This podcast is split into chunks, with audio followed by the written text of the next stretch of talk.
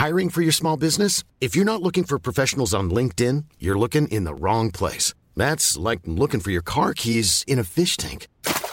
LinkedIn helps you hire professionals you can't find anywhere else, even those who aren't actively searching for a new job but might be open to the perfect role. In a given month, over 70% of LinkedIn users don't even visit other leading job sites. So start looking in the right place. With LinkedIn, you can hire professionals like a professional. Post your free job on linkedin.com slash people today. Hey there, it's Michelle Norris. I'm host of a podcast called Your Mama's Kitchen. When I travel, I'm usually looking for a way to find a taste of home when I'm not at home. And one of the things I love to do when I am at home is entertain. And Airbnb allows me to do that. When I was in California recently, I rented a house that had a great kitchen. And when we were sitting around the table, we we're all thinking, we're in someone else's house. Someone could be in all of our homes as well. If you have a home, but you're not always at home, you have an Airbnb.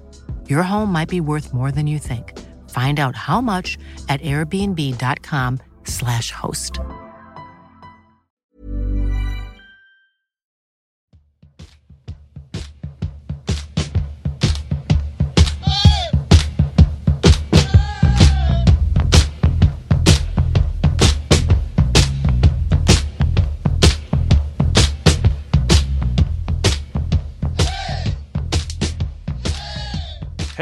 Och mycket varmt välkomna tillbaka till Poddplats H. Avsnitt nummer 48. Daniel Rahimis nummer. En podd om hockey och sport i allmänhet, men IF Björklöven i synnerhet. Med mig är det bra. Hur är det med dig Josef? Det är ju bra. Det går ju inte att säga någonting annat. Det var väl en viss stress igår. Vi kom ju att prata om transferfönster givetvis och, och det höll man ju på att försöka uppdatera som en tok. Men i det stora hela, det är bra. Jag har ingenting att klaga på. Nej, härligt. I vilket fall, i dagens avsnitt så ska vi prata om spelade matcher och om kommande matcher. Vi ska även prata lite trupp och skadeläge och eh, värvningskarusell kan man väl säga att det har varit. Vi har ett nytt haveri, tyvärr, eh, kring eh, Råd och eh, domare och sånt. Och sen har vi lite övrig sport i slutet som alltid. Eh, men jag tänker att vi kastar oss in direkt i spelade matcher, Josef. Det blir prima det. Ja, eh, vi, det är ju som en färskvara det här med men, hockeyintresse vare sig det gäller värvningar eller matcher. Så att nu tycker man att det är länge sedan, men det är inte så länge sedan vi mötte Modo hemma. Då hade vi en jobbig bortatorsk mot Karlskoga i ryggen och vi hade uttryckt lite farhågor om hur skulle det här riktigt se ut. Men eh, det var ju alldeles eh, prima liv. Minst hemma, 3-0. Så det är en riktigt rejäl tillbakastuds. Hur var din upplevelse av det där? Eh, ja, min upplevelse av det där var väl att vi hade en hel del flyt med oss, ska vi säga, i den här matchen. Eh, eller flyt ska jag inte säga att vi hade. Jona gjorde en otroligt bra insats. Det ska vi säga. Eh, och sen med hjälp av att Modo var otroligt ineffektiva, för det går inte att säga något annat än att de hade bra med lägen. Men de var otroligt ineffektiva vilket bäddade för en Björklöven-seger ska vi säga. Eh, hade Modo haft något sånär kanske normal eh, produktion så tror jag att 3-3 eller 3-4 eller något sånt hade kunnat vara ett mer rimligt resultat. Men eh, de bommar mycket och det, så är det ibland. Ibland bommar man mycket. Vi har också haft sådana matcher när vi inte gör mål, men vi, vi har skapat tillräckligt med lägen. Så, där. så det var väl min eh, liksom känsla av matchen. Så. Sen var det väl också en sak, det har vi pratat om tidigare många gånger när Björklöven har gjort bra matcher, att vi har inte släppt till så mycket heller. Nu släppte vi till kanske onödigt mycket, men de missade ju. Men det var mycket utsida från Modo och det tycker jag Björklöven har gjort bra. Många, många, många gånger att kunna hålla motståndarna på utsida i försvarszon och vilket då gör det lättare för, för vår målvakt. Men även det är lättare. Man kan spela destruktiv hockey på ett annat sätt då. Ja, Ja, alltså jag delar ju eh, din analys helt och hållet. Det är ju märkligt att två dagar ska göra så stor skillnad jämfört mot Karlskoga. Så att vi, vi kom ju ut med en helt annan disciplin och en helt annan eh, ja, men, men fart. Allt, huvudena är påskruvade och allt det här. Så att vi gör en bra match. Jag tycker inte att vi vinner orättvist på det sättet. Men samma matchbild en annan match kan ju bli någonting helt annat. Eller man kan säga en sån här matchbild är ju ohållbar i längden. Så går det ju inte. Vi kan inte släppa till så mycket chanser och tro att de ska dra dem i plex eller att Jonas ska stå på huvudet som den värsta Carey price. Det går inte. Eh, jag håller med dig, Modo brände en massa, men jag tycker inte att det eh, betyder att det var bara tur eller något sånt. Vi bränner också en del. Så det är inte så att vi sätter de få chanser vi har. Utan eh, eh jag, jag, tycker att det, vi ska inte be om ursäkt. Men det betyder ju inte att en sån här match vill man att det ska vara sån här matchbild. Vi, vi sköt på 15 skott till exempel. Skottstatistiken säger inte allt, men det är ju för lite eh, egentligen. Men jag tycker vi visar upp ja, gott gry och det är väldigt skönt att ta en sån här seger när man ändå var i förhand på, lite, på förhand lite osäker. Hur ska det här bli riktigt? Mm. Så, så, att så är det ju. Eh, ja, vi har också varit inne på förut om jag ska gå till ja, men intervjuer och så efter matchen. Det ena är ju att vad jag minns så intervjuades inte Stråle någon vettig utsträckning efter match. De följer in omklädningsrum och sånt där. Det får man ju ta för vad det är. Men eh, Kalin hade en lång intervju och, och eh, hans hockeykunnande är det ju ingen som tvivlar på, eh, tänker jag. Men eh, han låter återigen det här att, att det ska vara så svårt att berömma motståndare. Och det gäller ju inte bara honom, utan det gäller ju många. Men är det någonting som du har reagerat på? För jag tycker att det ganska ofta är så. Alltså inte. Ja, alltså Kalin har man ju som haft. Det har ju som blivit mer och mer efter att vi har liksom pratat om att Rahimi bor hyresfritt i hans hu huvud och sådana saker. Eh, jag har inte tänkt, men jag, däremot jag reflekterar mycket över att Viktor Stråle är. Det är det första han ofta säger i intervjuer att han Eh, ja, men han vill, han vill liksom gratulera motståndarna till en, till en bra match och bra genomförd match och, och liksom poängen som de vann i matchen. Eh, så det är väl på så vis har jag väl börjat reflektera kring det. Sen har det väl varit lite så här till och från, men alltså Garpenlöv höll på när de låg under med 5-0 mot oss i, efter första perioden. Det var också så här alltså, lite förnekelse. Så jag kan hålla med Kalin i vissa delar. Ja, men vi skapar tillräckligt mycket för att vinna matchen. Jo, men ni bränner ju jättemånga lägen också. Det är ju inte bara att Jona är bra. Det är, ni bränner ju massor av lägen liksom som är högt över, det är utanför, det är skott i täck och sådana saker. Och det är som sådär. Någonstans måste han någonstans själv säga också. Jo, och förutom att vi missade mycket så mötte vi en riktigt bra målvakt idag. Alltså, det är så små saker man behöver lägga till i sin analys. Men det är som att han vill som kriga på och att det inte. Det var bara flyt att Björklöven vann. Ehm, men ja, det är så här, Det är lite som att det är inte bara spelarna som tävlar ute på isen. Det är ju som en kamp mellan båsen också mellan tränarna och liksom blickar och hur man coachar och alla sådana saker. Och såklart att intervjuerna där blir ju ett verktyg att på något sätt provocera.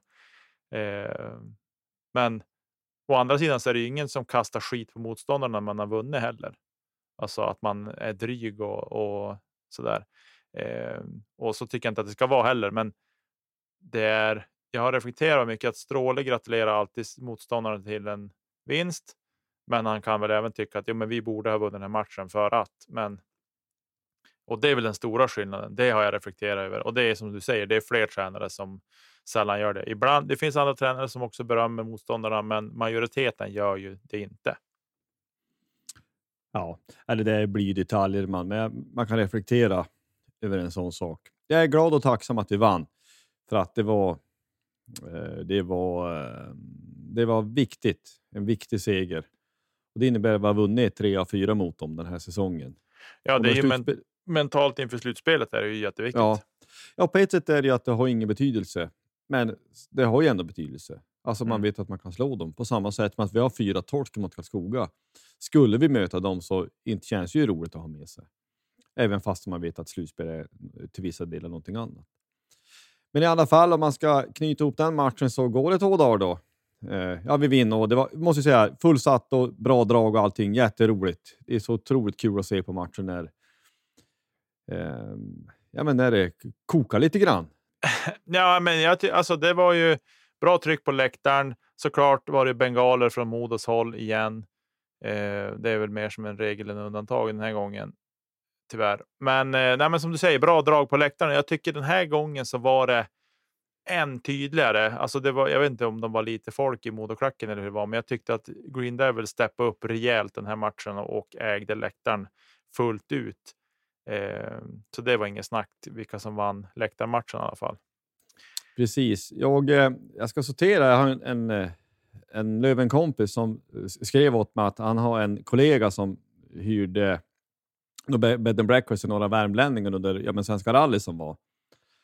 Eh, och de såg Löven-Modo och de, deras kommentar då ska ha varit att de var, eh, det här är liksom eh, motsvarande eh, en, viktig slutspelsmatch i Karlstad eller en SM-final. Att de var imponerade över draget som var. Så att det är inte bara vi som har någon slags bias, utan det är folk utifrån som kanske ser hockey i Karlstad eller SHL i övrigt som också kan bli imponerade. Vi, vi, vi må låta självgoda, men vi ska slå oss lite för bröstet. Mycket bra skriket och sjungit, ni som var där. Fortsätt med det. Men som sagt, det går två dagar och sen möter vi Östersund borta. Och jag hade någon slags liten grann oro, både att ja, men det är bara två dagar efter en riktigt bra motsa, eh, insats mot en motståndare som är ju seriens bästa. Och vi möter en nykomling och jag tyckte det fanns tendenser, även den här matchen var det 7-3 vi vann första borta mot dem. Mm. Man var lite orolig för, men ska det bli det här att tuta och köra och slita och slänga och gasa och köra? Och det vart ju exakt så, Mm. tycker jag. Disciplin och ordningen och redan var ju som bortblåst. Och eh, jag, jag tycker att vi på ett bättre sätt borde kunna sätta ner foten och faktiskt spela mer ordentligt. Jag vet inte vad det är att vi, att vi inte lyckas med det. Vi vinner med 5-4 i övertid, men jag tycker att det är en poäng som man slarvar bort, i alla fall på förhand. Att det här ska vi kunna gå, gå, fara dit och, och städa av, men det gör vi inte. Två pinnar in, men jag är ändå besviken. Hur tyckte du att matchen var? Nej, jag håller med dig. Jag håller med dig. Skillnaden idag är, eller i den matchen, det är ju, är ju mm, våra spetsspelare. Eh, och det som du säger. Vi har tidigare pratat om, och kanske primärt och utanför podden, om när vi hade valsen, att det finns liksom inget grundspel att ramla tillbaks på och falla tillbaks på. En sån här match är ju det som behövs att tillbaks till grundspelet på något sätt och gör det enkelt. För alltså om man, någonstans upplever man ju som spelare, i alla fall jag har gjort det under den tiden jag håller på med idrott, så att vissa dagar då har man inte det där stämmet som behövs. Och då måste man kunna falla tillbaks på någonting. Jag tycker att det borde ju... Liksom, han tog ju timeout i första perioden, eh, Stråle. Och jag tycker någonstans så här redan där, måste, redan där har ju han sett att det är någonting som inte är okej. Mm. Det är liksom inte, det, är- det, är inte, det finns inget stäm i spelet. Och där måste ju spelarna också någonstans säga okej, ja, men nu måste vi sansa oss grabbar. Vi måste göra saker och ting rätt. Spela enkelt och liksom gör det vi vet att vi är bra på. Eh, Ja, men det går väl också att hänvisa lite grann tillbaks till eh, förra veckans avsnitt när kaptenen var med oss. Att komma, eh, göra, göra det man har kommit överens om. ja, Och gör man inte det, då kan det se ut så här. Men det är precis som vi, vi konstaterar, det är ju spetsen som är skillnad. Fortier gör två och Pole gör två. Eh, varav då han gör det avgörande i overtime, där, vilket ju är snabla avslut. Mm, Men det, det känns lite onödigt. Men ja, man ska inte heller... Alltså Östersund kämpar ju på för att hålla sig kvar, så att vi har ju en motståndare som är desperat eller verkligen, verkligen i behovet av poäng.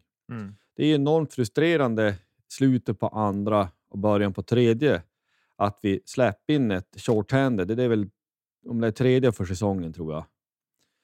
Eh, som vi släpper shorthanded och det, det ska ju inte hända.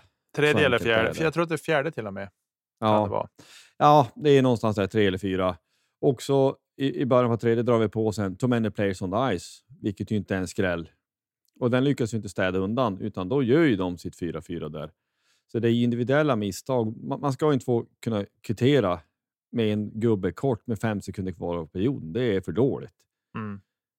Um, och sen, jag menar, vad, vad ska ja, Jona hade han, nej, det, det går ett täck och det studsar väl på någon eller vad det är. Men det, nej, det där är frustrerande. Det där måste vi kunna göra bättre. Men ändå, det är ändå på något sätt, vi har spetsen vi har och vi gör en ganska dassig insats, men ändå tar vi två poäng. Så man kan ju på något vis vända på det och få med sig att ja, men vi, vi gjorde ju det ändå i alla fall, så det kan man ju se som någonting positivt. Men eh, fem av sex poäng är väl rätt okej. Okay. Jag tycker att det borde varit sex poäng, men hade ju som sagt, hade vi haft poängtapp mot Modo hade ju ingen sagt någonting om det. Så att man får ju på något vis ja, ta det onda med det goda så att säga. Mm, exakt. Ja, Nej, men vi, vi, vi stänger de, de matcherna och så eh, går vi lite grann vidare.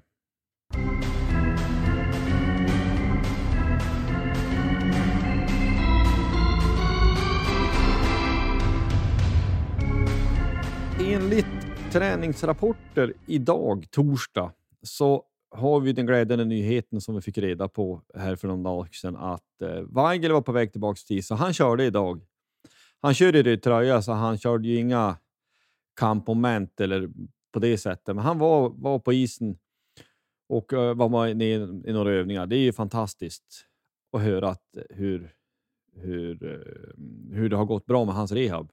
Mm. Men man vet ju, det här är ju lite allmänt. Alltså hur lång startsträcka har hockeyspelare egentligen? Alltså jag tror det där är helt och hållet beroende på vad de har haft för typ av skada. Nu vet vi. Vi vet att Weigel har haft en skärskada. Det är det vi vet eh, och att den har varit eh, inte så bra alls. Alltså han har ju haft foten i, i liksom gipsdoja och och sådana. eller jag vet inte om han har varit gipsad, men han har haft en sko som en skyddssko som är ju som ett gips i princip. Eh, och sist jag såg honom live så var, satt han i rullstol efter en match eh, utanför hallen. Det var nog kanske mera ett spel för galleriet så, men det är klart det är skönt att bli omkring skjutsad i en rullstol om man kan få den chansen. Eh, han såg rätt avslappnad ut i alla fall så då, men eh, så det är svårt att säga. Det beror på hur mycket, alltså om det är någon, om vi nu spekulerar i att det kanske är hälsenan eller vadmuskeln som har fått en skärskada, så där är det svårt att säga hur han klarar av att belasta och hur muskeln, alltså hur mycket muskeln har tappat ja. under den här tiden. Alltså, jag tänker också så här att eh, givet är det ju såklart vilken skada du har, men alltså, jag tänker också att det, det kan inte vara särskilt lätt att alltså, hålla kardion. Alltså lungorna igång. Alltså, det, det är svårare att vara disciplinerad ensam. Och nu är inte man själv, eller elitidrottare är ju någonting annat. Men jag tänker också att, att gå från att du har kört rehab, du säger att du är frisk, men du, du tappar ju styrka och flås. Alltså, tar ju styrka och flås. Hur lång tid tar det innan du är i kapp? Kondition och styrka är ju färskvara, så att kroppen svarar ju direkt på träning. Eh, så man tänker sådana här som har tränat hårt hela sitt liv, att eh, det kanske är så att det kan gå hyfsat snabbt ändå. Mm. Och sen så kan man ju tänka sån som Weigel, om man nu tillåter spekulera eller gissa lite grann. Han, alltså hans spelstil är ju inte i första hand att han åker på allt. Eh, alltså det är hans, hans stora uppsida är hans spelsinne. Mm. Han har ett fruktansvärt spelöga och det försvinner inte hur som helst. Eh, så att det är på något sätt kanske lättare att kompensera för en sån spelare än för någon som verkligen har speeden som sitt signum. Mm. Alltså att om du tappar speeden så tappar du mycket. Ja, jätteroligt att han tränar i alla fall och det gör ju Charles David. Baudin också tränar också i röd tröja. Så då är väl förhoppningen att det inte alls är så långt borta där heller. Oliver är ju också inte så långt borta som vad, vad man förstår, utan vi har ingen riktigt långtidsskada kvar, peppar peppar, utan folk är på väg tillbaks så att det gör ju att det börjar ljusna mm. i, i, i truppläget eh, helt enkelt. Så det får man ju se då hur lång tid det tar innan, innan man eventuellt har fullt lag. Och sen så, jag menar i slutet på serien och in i ett slutspel, det säger sig självt. Det finns inget lag som inte kommer att drabbas av skador. Men det känns ju bra att ha ganska mycket folk, både på träning och in i truppen, när det faktiskt när vi ska börja på spela om det här så på ett par veckor. Um, och med det sagt så kan vi ju säga då att uh, vi fick, eh, uh, läs man då om um, ja, men de, de uppställningar vi hade på, på träningen idag, det var inte så mycket 5 mot 5, men vi är ju tillbaka med ordinarie vad gäller powerplay. Första powerplay med eh, Schilke, Fitzgerald, Pooley, Postler och Kim Johansson. Och det har ju fungerat klockrent tidigare, så att det är väl egentligen bara att fortsätta med den saken. Eh, jag har tidigare sagt, och det, jag, jag skulle inte ha någonting emot att kanske byta ut Postler mot en sån som Fredan Andersson. Eller någon. Men, men alltså det har ju funkat jättebra så att på ett sätt är det inte trasigt så lagar det inte. Mm. Men så vad det hörs ifrån, jag hörde min kompis idag som var på träningen, att, att Lökes in och intåg i andra PP med Jakob Andersson, Hutchings, Olofsson, Mustonen och då nämnda nyförvärvet Löke som kom strax in på. Så kom det där att bli ja, det är en ny dimension som har lyfts in där. Så kan vi få två riktigt bra powerplay, då är det ju otroligt mycket värt. Mm. Jo, och det handlar ju liksom längre fram i slutspelet också, eller avslutningen på serien och även in i slutspelet. Att kunna sätta lite powerplay och, liksom så, och sen heller inte behöva överbelasta på vårt första PP, än om det är bättre. Men att vi vet att ja, men vi kommer få utdelning från vårt andra PP också. Att man kan liksom jämna ut dem och få en jämn hög nivå på dem bägge två. Det är ju superviktigt. Eh, sen är det väl. Jag ska vara helt ärlig och säga som det Hutchings har varit grym när han har varit i Björklöven, men man har varit otroligt frustrerad på honom med jämna mellanrum också. Eh, jag är väl inte ett superfan av att han spelar i powerplay just för att han brukar kunna kladda lite mycket med pucken och att han ja, men han håller i den för länge, att motståndaren hinner kliva på och så blir det en dålig passning och så skapar, alltså det, han skapar inte tid åt, till sina medspelare utan han tar tid ifrån dem genom att hålla på så där. Så det är väl den lilla detaljen jag kan liksom störa mig på hans spel. Men vi vet att Hutchings har ett steg till eller två steg till att ta när vi kliver in i slutspelet där matcherna börjar gälla någonting på allvar. Och det har varit varje gång han har varit här så har det varit liksom när det har varit lite extra krydda i matcherna. Då har han varit bra. Ja, ja, alltså Hutchings har väl också. Han är fortfarande en, en, en hyfsad eller bra poängspelare, men han var mer renodlat när han kom. Det var ganska länge sedan var han mer en, en, en utpräglad målskytt. Han är väl lite som en... Alltså när han får vara lite gubbgrinig och krypa under skinnet på folk så är ju han som bäst. Han producerar inte lika mycket fram, framåt, men han i rätt miljö och med rätt position och roll så är han väldigt viktig. Jag tror han kommer att vara jätteviktig i slutspelet. Men jag håller med att pucktempo brukar gå ner när han är med i PP då och det är ju kanske inte så optimalt. Men det beror på hur man ställer upp då. Om det Eh, man var inte på träning så man vet inte, men jag, jag tänker om nu är, är det... Alltså, eh, Fitzgerald och Hutchings har ju haft lite samma position, i alla fall tidigare. Alltså den som ska ju gå på avslut från teckningscirkeln. Om man tänker att man sätter Löke där istället, i så fall så att, så att Hutchings får vara på... Eh, var, ja, varsta, nu. Man skulle väl veta uppställningen, det är väl det som är poängen. Och det mm. får vi väl se det här nu eh, på fredag, hur, eller nu idag när ni lyssnar på det här, hur, om de är väl får ställa upp. Men en, en, sak som kan vara en poäng också, tycker jag är ju ibland så är det lite, lite beroende på vem som har säg, fått utvisningen med sig. Låt säga att det är första linjen som är inne och andra PP börjar. Då har man ju tidigare tyckt att, ja, men det, jag ska inte säga att det är en bortslösad minut, men man vet att man väntar ju bara på första PP ska komma in. då. Om man då får två stycken effektiva, då spelar inte det någon roll. Ja, vilka som har varit inne och inte. Eh, att eh, ja, men är det någon som är trött, ja, men det gör inget. Vi slänger in den andra istället då. Mm. Så det blir ju väldigt bra eh, eh i, i, så fall. Får man snabbspekulera lite grann så tror jag nog att Hutchings har klivit in i slottet, alltså på samma plats som Pole har och att Weigel står, eller Löke står där eh, eh, Fitzgerald brukar stå. Ja, Ja, men man tänker väl så. Och var det inte så här, nu får jag bara bakom örat bara någon flashback. Först, absolut första matchen på säsongen hemma mot Karlskoga, var inte Hutchins, Hutchins gjorde lite powerplay då? Just från den position, sköt direkt. Kan ha varit, jag kommer inte ihåg själv. Ja, nu, nu, nu. Jag tror faktiskt att det var så. Men det, det må vara hur det vill med den saken. Så, så mm, ja, det var då, han som gjorde more powerplay. Jag tror att det var från den rollen. Jag tyvärr tog upp det på sig. Ja, det var det ser bra ut och vi, vi är ju inne på Jens Löke. Vi värvar ju han då från Vasa i samband med det här äh, fönstret nu, om vi ska gå in på det.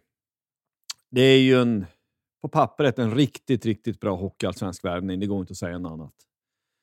Vad, vad, vad minns du av han när vi mötte Timrå tidigare? Han var obehaglig för att han var så vansinnigt bra och det var ju liksom målgaranti.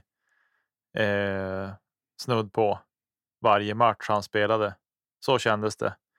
Eh, men just alltså jag är fruktansvärt glad över att vi har landat den värvningen, för det är en riktig spetsvärvning. Han tackade nej till ett par SHL-erbjudande bland annat. Jag vet när man hade några erbjudanden från Schweiz också, men i alla fall från SHL vet vi att han hade eh, bud, men tackade nej till dem och valde att spela med oss istället för att få göra om den här resan. Eh, så jag super, superbra. Det ska bli otroligt roligt att se vad han kan uträtta på isen här i avslutningen på serien, men sen även in i slutspelet också. Ja, ja, alltså ser man på den så kallat, vilket vi måste ändå hålla med om, den skrala spelarmarknaden, är det här en, det är ju närmast att säga en brutal värvning på hockeyallsvensk nivå. Mm. När man då ser hur andra lag värvar, även på SHL-nivå, så, så finns det inte så mycket. Eh, men med det sagt så tycker jag det här att man måste kunna hålla flera tankar i huvudet samtidigt. Vi kan också säga att det ryktades ju länge om eh, Axel Holmström också, men han gick till Schweiz. Och eh, jag tror att man får, får ta allting för vad det är. Är det så här att, att det blir budgivning om spelare, då, då är Sverige, eller Hockeyallsvenskan, Sverige måste vara, men SHL, men i Hockeyallsvenskan är ju chanslös mot Schweiz. De har ju mycket pengar som helst. Mm. Så att det går inte att konkurrera. Men det blottar ju också tanken, eller frågan som jag ställt till dig. Då, är, är värvningen från Finland helt okomplicerad? Ur någon slags moraliskt eller etiskt perspektiv? Jag vet inte. Man, man, kan ju bli ganska konspiratorisk kring det här också, just i rivaliteten som finns mellan Finland och Sverige rent hockeymässigt. Så där att ja, men nu ska vi klämma de svenska klubbarna på pengar så mycket vi kan i och med att de har det system de har. Att de de väljer att, att skeppa spelare när de liksom, ja, men vi har ingen chans i slutspel eller på slutspel. Vi, har, vi kommer inte åka ur liksom och då släpper de spelare av ekonomiska skäl. Eh, helt okomplicerat ska jag inte säga att det är. Men eh, utan att ha allt. Jag har för dålig koll egentligen just på detaljer, men jag tycker att på det sättet som det här liksom att, jag menar, att Holmström ville hit, vad man har hört och, och så. Och sen kommer in ett dunderbud från Schweiz liksom timmar innan, transferfönstret, stäng, innan transferfönstret stänger. Jag tycker att det är, är ett fulspel, men det kanske är så här business är också i på den här nivån och även när det börjar gälla saker. Alltså, vi värvar ju inte Holmström för att bara vara någon liksom mellanmjölksvärvning. Det är ju en spetsvärvning för att vi har ett mål med att gå upp den här säsongen. Mm. Så att på så vis så blir jag lite provocerad av sättet som det här har gått till på eh, och att de har använt Björklöven på något sätt som en hävstång för att klämma ut så mycket pengar som möjligt. Eh, lite bulvanmässigt nästan. Eh, ja, alltså det, det, är den uppfattningen vi får. Alltså med, med, det sagt, vi vet ju inte alla detaljer utan vi tillåter oss att spekulera en del. Men, men eh, av det man kan lägga ihop, eh, eller som man uppfattar det som, det är mycket rykten och det är mycket annat, så att vi, vi ska inte säga att vi vet, men det känns ju lite märkligt eh, ändå på något sätt. Men sen, vi får väl önska han lycka till där. Det hade varit kanon om de hade dunkat in han också, men nu är det vad det är och fönstret är bra ändå. Eh, måste jag säga. Det, det, det, tycker jag.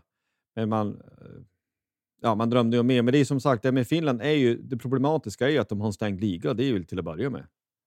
Mm. Det, det, stora felet jämfört med våran och att fönstret är, är, är, relativt långt fram i tiden så att man sent in på säsongen kan göra så här. Och Det lyssnade jag på någon annan podd där man också fick förklarat att rent tekniskt, vi, vi, får inte låna spelare hur som helst. Men då gör man att man bryter innevarande kontrakt och så, så kickar nästa kontrakt som redan är klart in senare så att man då rent tekniskt blir kontraktslös och får någon slags uthyrningshistoria där då. Ja, så det, det känns ju. Jag, jag, är superglad för Löke. Det är en superförstärkning för oss. Men det är väl inte bara att man tycker att det är bara eh, jättekul och eh, bara ljus i viadukten när vi, vi pratar om hur det har gått till. Men det är vad det är. Alltså, vi, vi, lever, vi lever ju under de förutsättningar vi gör. Vi kan inte göra det på något annat sätt, utan det är, det är som det är. Vi kan väl lite snabbt bara jämföra med vad vi har uppfattat att andra lag har gjort. Eh, det var ju en sammanställning tidigare vad som har hänt under 2023. Men eh, lagkapten Erik Borg gick från Vita Hästen till Frölunda till, till exempel. Det säger någonting om... Ja, men i, I normal värld så skulle inte Frölunda ta han. Kan jag inte tänka mig, till exempel. Och, och eh, flera lag. Eh, ja, men du har Tingsryd, Kristianstad, Västerås. De tar spelare från division 1 som de lyfter upp. De kan vara jättebra. Men det betyder ju inte att det är detta som man tänker man, man skulle ha siktat på. Så att vi träffar Löke, om man jämför med vad andra hockeyallsvenska klubbar har gjort, så tycker jag att vi ska vara, vara nöjd. Vill mycket ha mer och framför allt måste vi säga att när Kent har sagt att hela tiden är målet att få in en center under säsongen. Nu fick vi inte det.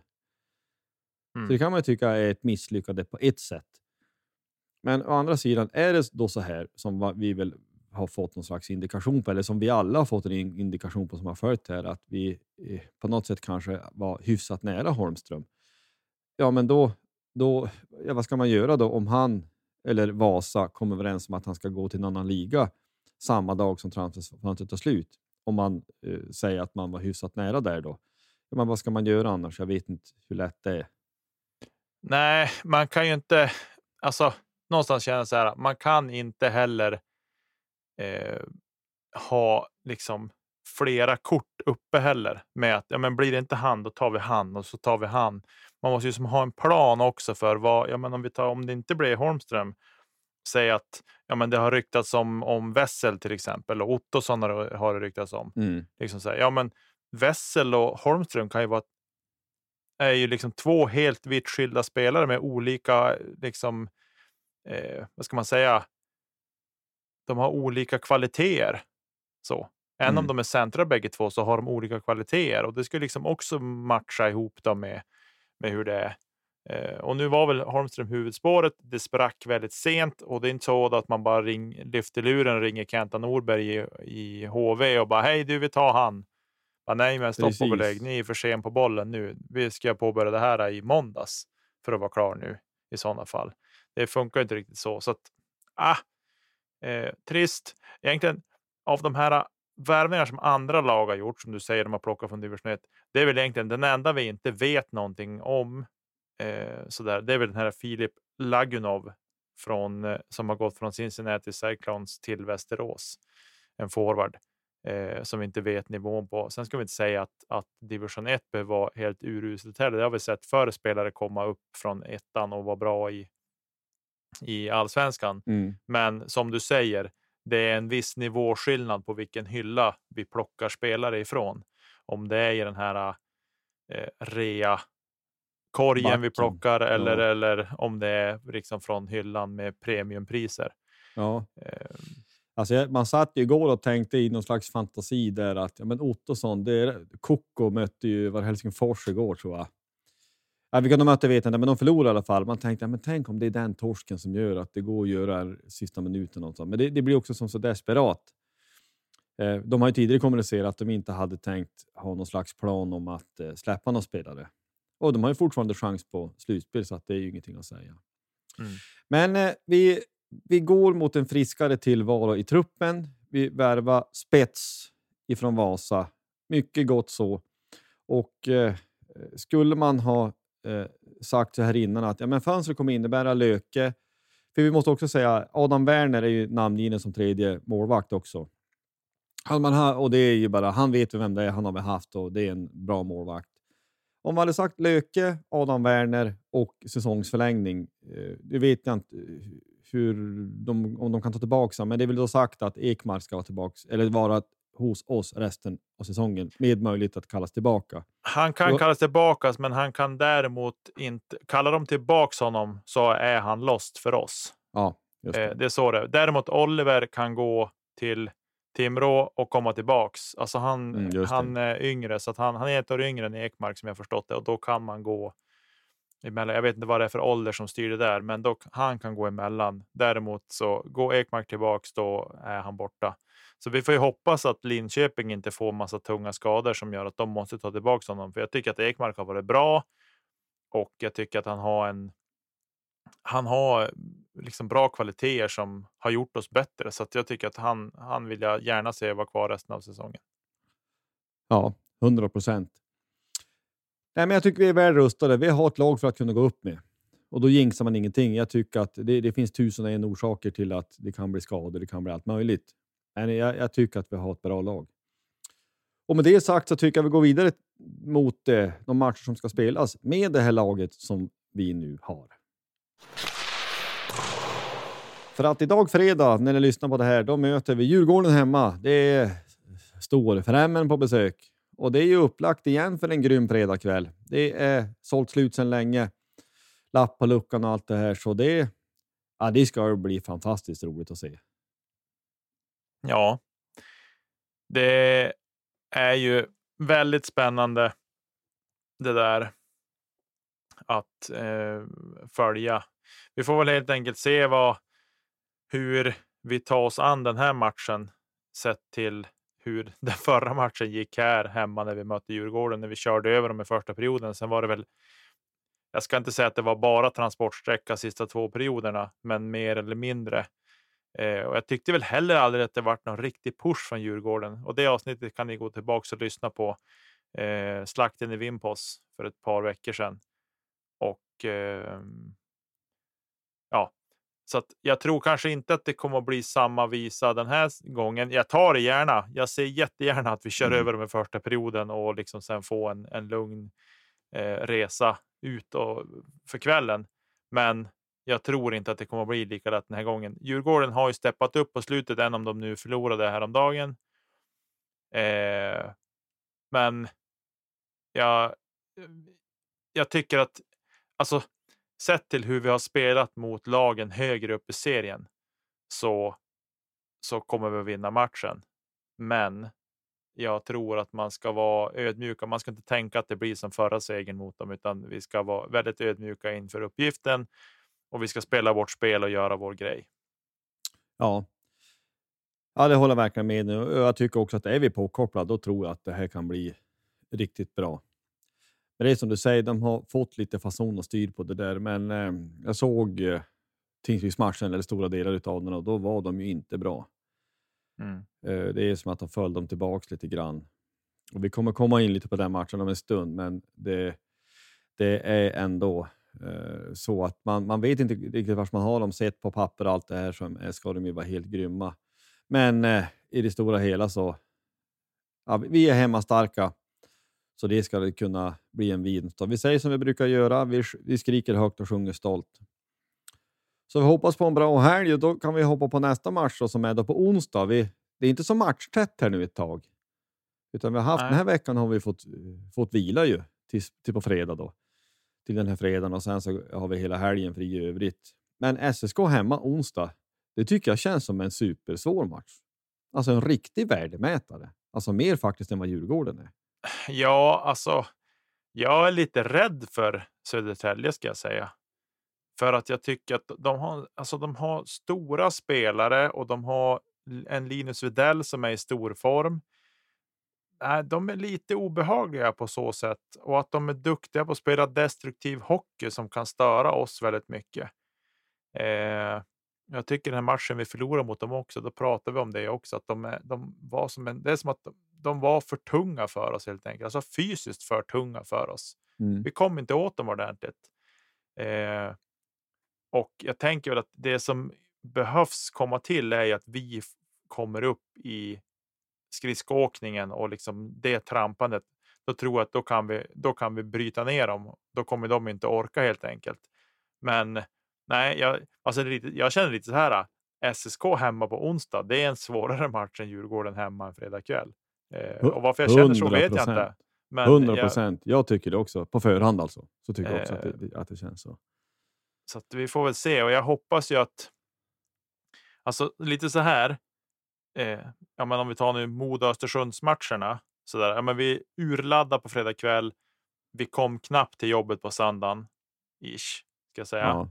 Ja. Eh, att det här kanske blir vi har en längre sträcka emellan matcherna nu. Vi har fler dagar emellan för vila, återhämtning och även att kunna träna på och börja släppa lite grann.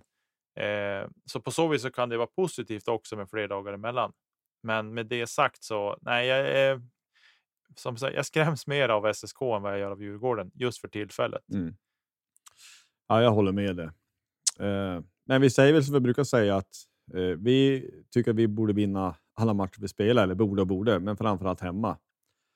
Så att eh, sex, penny, sex poäng in är väl det som vi som doktorn eh, beordrar så att säga. Men det återstår att se hur det blir. Eh, det ska bli jätteintressant att se nu hur vi kommer att formera lagen nu när vi har fått eh, både värvningar in och det börjar komma gubbar tillbaks. Mm. Men på tal om det, kommande matcher, det hintades som eh, diverse lynixar eller lodjur i Lövens flöde och sen så gick det något tag och sen eh, någon dag vad det var. Och så blev det offentligt att det kommer att bli match med lodjurströjor. De gamla Lynx-tröjorna från 99 00 eh, blir det ju. Mm. Jajamän, stämmer. Ja, men alltså tredje och tredje hemma mot, mot Västerås. Vad, vad tycker du om det egentligen? Jag kan säga direkt, jag tycker inte om det överhuvudtaget. Jag tycker inte alls om det. Jag är väl inte så konservativ kanske att jag inte tycker om det. Eh, men vi har ju pratat om de här tröjorna eh, tidigare och att vi inte riktigt det, alltså, den, alltså den tidseran som var då, då var det liksom inget konstigt. Men nu när man ser tillbaka på det så nej, jag vet inte riktigt. Sen ska jag väl villigt erkänna, då tyckte jag liksom nu när jag såg tröjan så där att ja, men den är väl ändå helt okej. Okay, liksom så. Eh, så att och det är väl någon, det var väl någon sorts eh, hyllning, tribute till att vi gick upp till elitserien den säsongen mot alla odds. Eh, men eh, ja, jag ska dit i alla fall och se den där matchen så att vi, jag får ju se dem live. Så det blir spännande. Ja, nej men alltså, jag, jag kan förstå att, att det finns någon så här att man tycker att det är kul med retro. Men alltså klubbmärket är det viktigaste vi har. Och bara på kladda, vi har ju liksom, det är någon slags plump i protokollet i vår historia kan jag tycka. Och, och inte ska vi fara, fara gräva där igen. Vi har ju gjort det misstag en gång. Mm. Och Björklöven, vi är gul och grön, eller grön och gul. Vi är inte svart på något endaste sätt. Och att blanda in svart igen, det tycker jag vi ska undvika in i det längsta. Ja, men jag, jag, jag vet att jag är mer, eh, jag är mer peten eh, om det här än vad du är och säkert många andra. Men jag tycker som sagt inte alls om det. Det har väl också att göra med att jag såg, det var ju också någon bild där som, som passerade på någon merch. Man kommer ju såklart för, att försöka slå mynt på det här. Och då står det Björklöven Hockey. Men vad är det frågan om? Björklöven Hockey? Alltså vi, vi heter ishockeyföreningen Björklöven eller bara Björklöven. Alltså det, det blir ju ett haveri i slutändan. Vi måste vara... Alltså vi ska inte slarva med varumärket som jag tycker att man gör. Lite grann, klubbmärket. Det, det, är för viktigt, i alla fall för en sån som mig. Och jag tror att det är fler, eller det vet att det är fler som håller med. Och det, jag tror också att det är en åldersfråga. Alltså att de som har, har på något vis varit med ett tag Eh, att äh, man, man, gillar inte alls det här. Jag förstår att eh, jag kan på ett sätt förstå att man gör det, men jag tycker att, att det ändå inte är bra. Och Det här med, med, med merchen, det tycker jag är för slarvigt. Det, det, vi, vi heter inte Björklöven Hockey. Det, det inte stå Björklöven Hockey på någonting. Mm. I, I, min värld faktiskt. Det som är det, det jag kan tycka i det här, just att det är med Björklöven Hockey och att man gör så mycket merch. Ja, fortsätt utav det. Eh, så är det att jag tänker. Jag fattar att man vill sälja merch och man vill göra sådana saker, men jag tycker att man gör det på alltså. Gör merch som kommer att hålla över tid i sådana fall. Eh, det tycker jag inte att det här. Alltså gör en extremt. Nu tror jag inte att det kommer att vara någon begränsad upplaga. Det är klart det kommer att vara någon sorts begränsad upplaga, men kanske inte en uttalat begränsad upplaga av det här. Eh, och det handlar ju om ekonomi i slutändan, men jag tycker att Björklöven måste kunna vara bättre på att hantera det här än att eh, göra så här. Sen med det sagt, jag tänkte säga, ja men kul att ni spelar med de där matchtröjorna där och då och att de gör det så. Aktionera ut dem, dra in de pengarna och sen är det bra. Mm. Alltså att man fyller på merch-shoppen med sådana här kläder, det vet jag inte. Nej, det, där håller jag med dig. Det rimmar lite illa för mig. Men att de hade spelat med tröjorna och kanske auktionerat ut dem och dragit in pengar på så vis eller skänkt pengar till välgörenhet eller whatever. Det hade jag varit fine med. Men att så här spinna vidare och göra hoodies och t-shirtar och allt vad det kommer att vara. Mm, där är jag lite mer tudelad kring vad jag tycker om det. Eh, men jag är, jag är inte lika konservativ som du är kring just den där frågan. Men jag, jag förstår dig och jag förstår den andra halvan också. Men jag tycker att det kanske har gått lite grann ett steg för långt där. Eh, ja, så där är jag väl. Jag håller inte med dig till 100 procent, men jag håller inte med den andra. Alltså, jag hamnar lite grann mittemellan. Ska jag säga. Ja, alltså man, jo, man måste kunna. Det, det fattar vi ju att man måste kunna hålla flera tankar i huvudet samtidigt. Um, för vi har ju tidigare haft, ja, men genom åren haft, liksom, haft enstaka matcher med specialtröjor. Så det är inget unikt. Utan jag är lite mer bara... Uh, lite, lite, alltså klubbmärket är, är så viktigt. Men vi, vi kan lämna det lite grann. Vi, nu, nu blir ju det, det här, så att det får man ju ta för vad det är då. Uh, och den viktigaste, viktigaste delen av den här matchen det är om att vi ska vinna, oavsett vilka, vilka tröjor vi har på oss. Såklart. Mm. Precis. Ja, vi fortsätter att ehm, eh, eh, konstatera att det är ju någonting som är underligt med, med svensk hockey. Och vi må vara att vi, vi tar upp det här eh, regelbundet, vilket man inte eh, tycker att man skulle behöva, men nu tycker jag att det är så. Backar man tillbaka några dagar så Isak Pansare eh, från eh, Tingsryd, han blev intervjuad och eh, det är adrenalin i kroppen och allt vad det är. Och då säger han vad han tycker. Det fick till följd att han blev anmäld till det som det är ett hemligt, Eh, ett hemligt disciplinråd. Och man tänker, vad är, vad är det frågan om? Alltså det kommer ju att sluta med att ingen spelare i någon enda intervjusituation säger någonting. Är det någonting vi vill ha? Ja, det är den ena aspekten. Och Sen så finns det en annan aspekt i, som jag kan tycka är märklig ja, men det finns något som heter yttrandefrihet som är grundlagsskyddad. Alltså det låter superpretentiöst att blanda in det. Men det börjar nästan bli så att ja, men är det så att du ska få böter för att du har sagt någonting som någon inte gillar och sen ett disciplinråd som ingen vet vem som ingår i, eller väldigt få gör det, då blir det ju också en följdfråga för min del. Hur ser ansvarsutkrävandet ut för det här rådet? Alltså, vem är de ansvariga inför? Vem, vem är det som på något sätt kan säga till dem någonting. Alltså det blir, det blir ytterst märkligt. Och sen så går det då ytterligare några dagar där... Ja, det var ju den här matchen nu senast då mellan Djurgården och Tingsryd. Och den som sagt såg jag vissa delar av. Jag såg eh, situationen i att de fick ett par otroligt billiga powerplay, Djurgården, det måste man säga. Varav den ena är ju direkt felaktig, vilket också... Det var väl Petter Norman som dömde, eller Norman, Norman tror jag det var, som tar den han säger att från den vinkel där han står så tycker han att den är klockren, så han tar en tripping på den. Och de gör ju inte mål the powerplay, eh, men i, i, liksom i kölvattnet av den så blir det så att Djurgården kvitterar. Tingsryd avgör i, i förlängningen, men Fredrik Glader han får en abuse eh, efter matchen var slut. Ja, men det här börjar ju bli parodi. Det är hemliga disciplinråd någon uttryckt någonting. För läser man efteråt att domarna säger själv de har inte hört vad han sa eller vad han skrek. Alltså hur är det möjligt? De tar en abuse för att han ska ha abuse of officials. Men vad han ska ha sagt i den abuse, det är det ingen som vet. I alla fall inte domarna som tar den. Men vad, vad är det frågan om?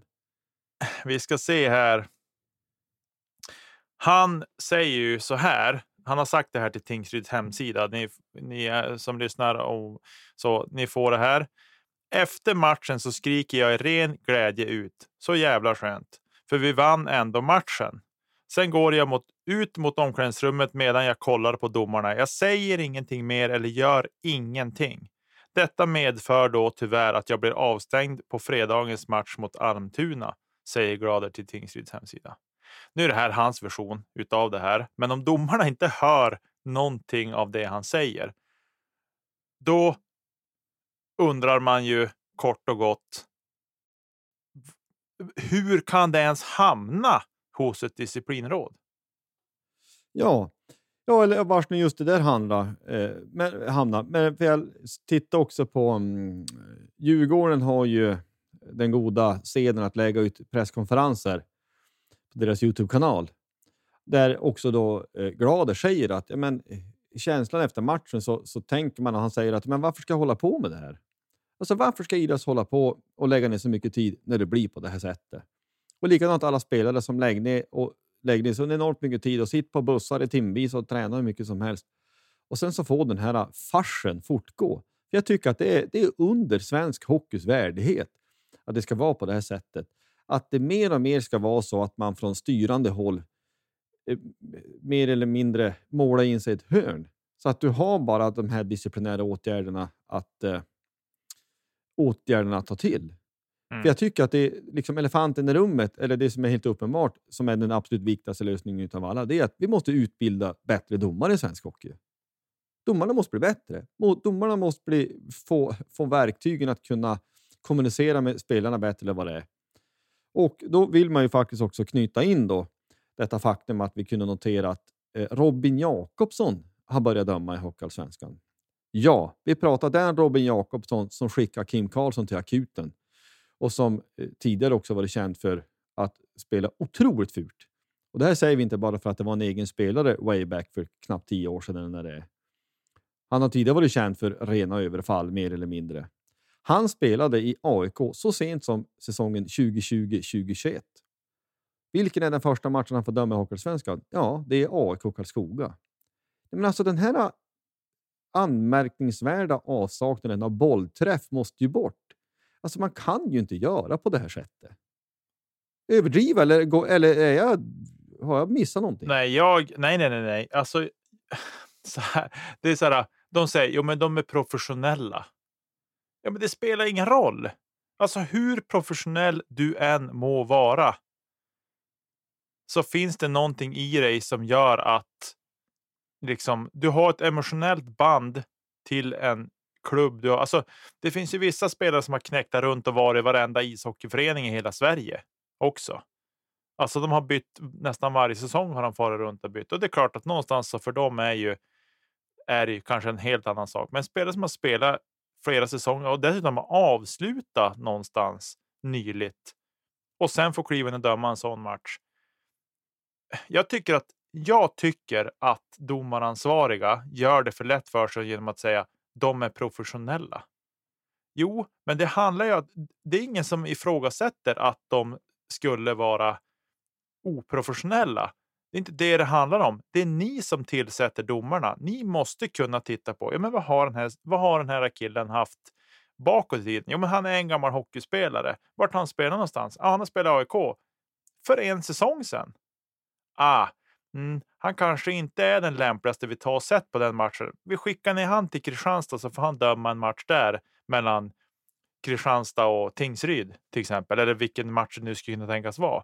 Det är ju det mer rimliga att göra och sen får man ta att det blir resekostnader och annat istället. Men som du säger, det är så usel bolltouch på det här i tillsättningen och det går, de kan inte skydda sig och någonstans här blir det att här måste ju klubbarna sätta press gemensamt mot domaransvarige och de som tillsätter domarna till matcherna och säga att det här handlar inte bara om oss. Det här handlar lika mycket om domarna och att vi ska kunna få en återväxt i domarkåren. För det pratas det också om att domarkåren är tunn och vi måste vara rädda om domarna vi har och så vidare och så vidare. Jo, men någonstans så måste man ju då ha ändå bättre koll på vilka domare man sätter på vilka matcher. Jag tycker att det här är ett haveri av stora mått, tyvärr. Ja, och tar man Robin Jakobsson som exempel så är det ju också så här att eh, som jag minns det så, så lämnar ju han, alltså 20, 2021 så spelade han bara några matcher och sen så bytte han till någon division 1-klubb. Så att det kan ju vara så också. Eller jag, jag vill minnas att jag hade har passerat mitt huvud någonstans att han var inte omtyckt där och därför fick han lämna. Ja, men det kan ju också vara så att ja, men då får han döma en klubb som var, kanske gav han sparken då, i praktiken. Mm. Ja, men är det lämpligt? Det är ju inte det. Alltså att man, man har ju haft en vilja från, från svensk hockeys sida, eller Björn Wettergren som är domaransvarig i Hockeyallsvenskan har ju pratat om att man vill ha gamla, gärna ha gamla spelare som, eh, som domare. Fine, jag är med på den tanken. Men då måste man ju någonstans kunna också sålla där och fundera på att ja, men det kanske är en idé att ta de som har i alla fall ett minimum av spelsinne.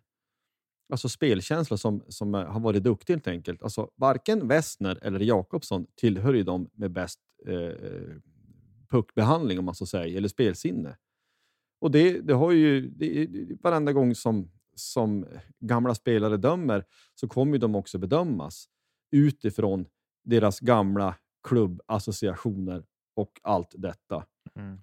Det är snarare så att man skulle försöka se att ja, men kan ni försöka ha spelare som har haft spelsinne? Typ Per Ahlbrandt eller Joel Lundqvist eller någon annan eh, gammal duktig spelare så hade det varit bättre. Jag tycker att man börjar måla in sig i hörn att det här, det här börjar bli parodi och haveri som du säger. Och eh, jag, jag, står för det, men jag tycker att alltså, Björn Wettergren, det är få människor som är så olämpliga för sitt uppdrag. För det, det här, hela, allt det här som vi har tjatat om förut, om att Westner är bästa kompis med Henrik Tremell som var andra tränare i HV i våras. Ja, men det, är ju, det upprepas ju bara samma sak. Alltså att man inte har förståelse för... Vi säger inte att det påverkar första, men att det ens ska finnas en misstanke. Man måste ha bättre bollträff än så. Det är bara så. Um, det är domares arbetsmiljö, ja, men det är också spelares arbetsmiljö. Mm. De delar ju arbetsmiljö och då måste man göra det så bra som möjligt för alla. Eh, och jag säger inte att domarna medvetet går ut och gör dåliga bedömningar, men de, alltså utbildningen måste ju upp i nivå och vi måste ju få bort det här ja, men det som nu pågår. Alltså det, vi kan inte fortsätta så här. Det kommer ta udden av att... Det är precis som Glader sa ju det. Han tappar ju sugen. Varför håller jag på med det här? Jag vill inte hålla på med det här när det ser ut på det här viset på isen. Och liksom, det är ju tragiskt att en tränare i Sveriges näst högsta liga ska behöva känna så efter matcher. Exakt.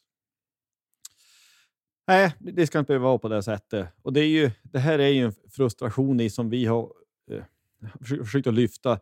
För jag tycker också att det finns att ja, men, hockeyetablissemanget i övrigt, Alltså, vi är ju inte del av något som helst hockeyetablissemang vill man ju få sagt, men hockeyetablissemanget som finns tycker jag berör ju inte det här överhuvudtaget.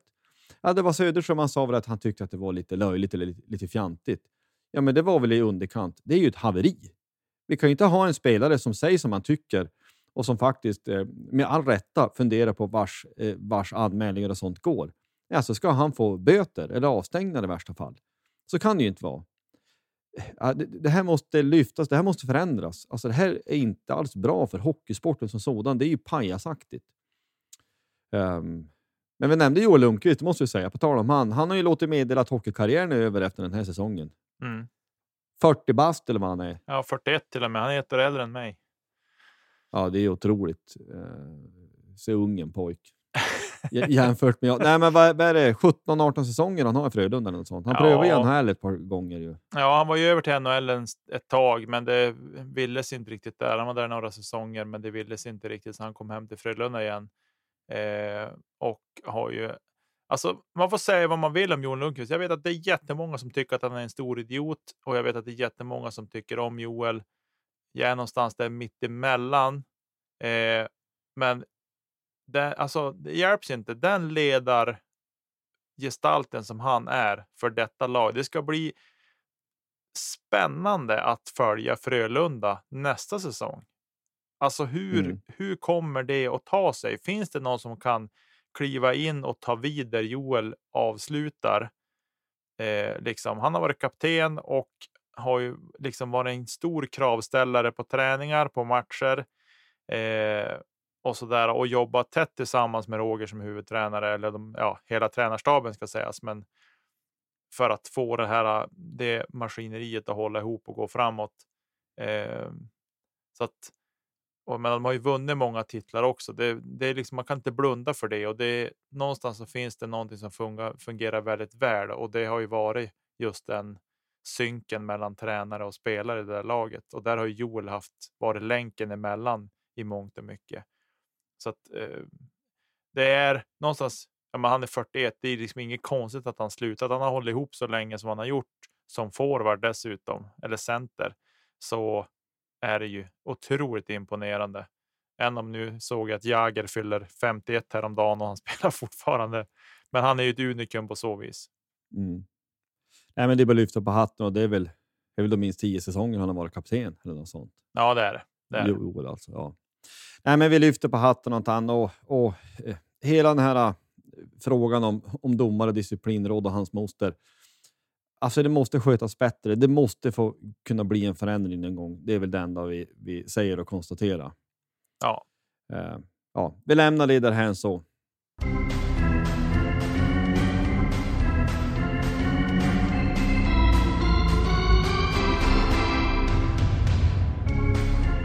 Vi smiter in en liten sväng i den övriga sporten. Vi kan säga att Kansas City Chiefs vann Super Bowl mot Philadelphia Eagles. 38-35. De avgör i slutet och de har ju flyt med domsluten i slutet. Och det är den här herrn inte bitter över alls. För jag minns minsann Super Bowl 2020 när 49ers inte fick med sig någon holding där på... Äh. Jag lämnade det därhän. Jag glodde så länge jag orkade och sen gick jag och la mig. Liksom det är en match som man vill att bägge ska förlora. jo, jag såg att det var flera som hade lagt den kommentaren. Ja, jag ser helst att ingen av dem vinner. Ja. Eh. Det är, ju, det är ju ett spektakel hela det där och det är ju...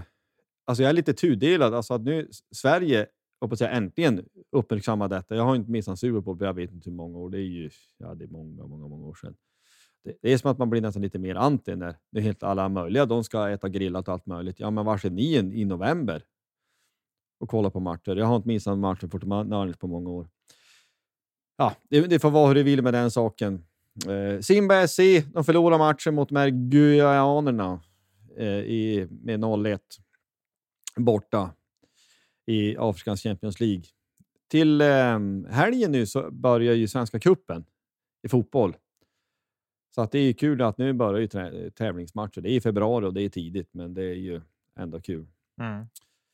Ja ja, men vi kanske lämnar det därhän. Vi får ha ett större block vid, no vid något annat tillfälle med, med övrig sport. Det är länge sedan vi berörde både NHL och SHL lite mer, så det får vi kanske ta framöver.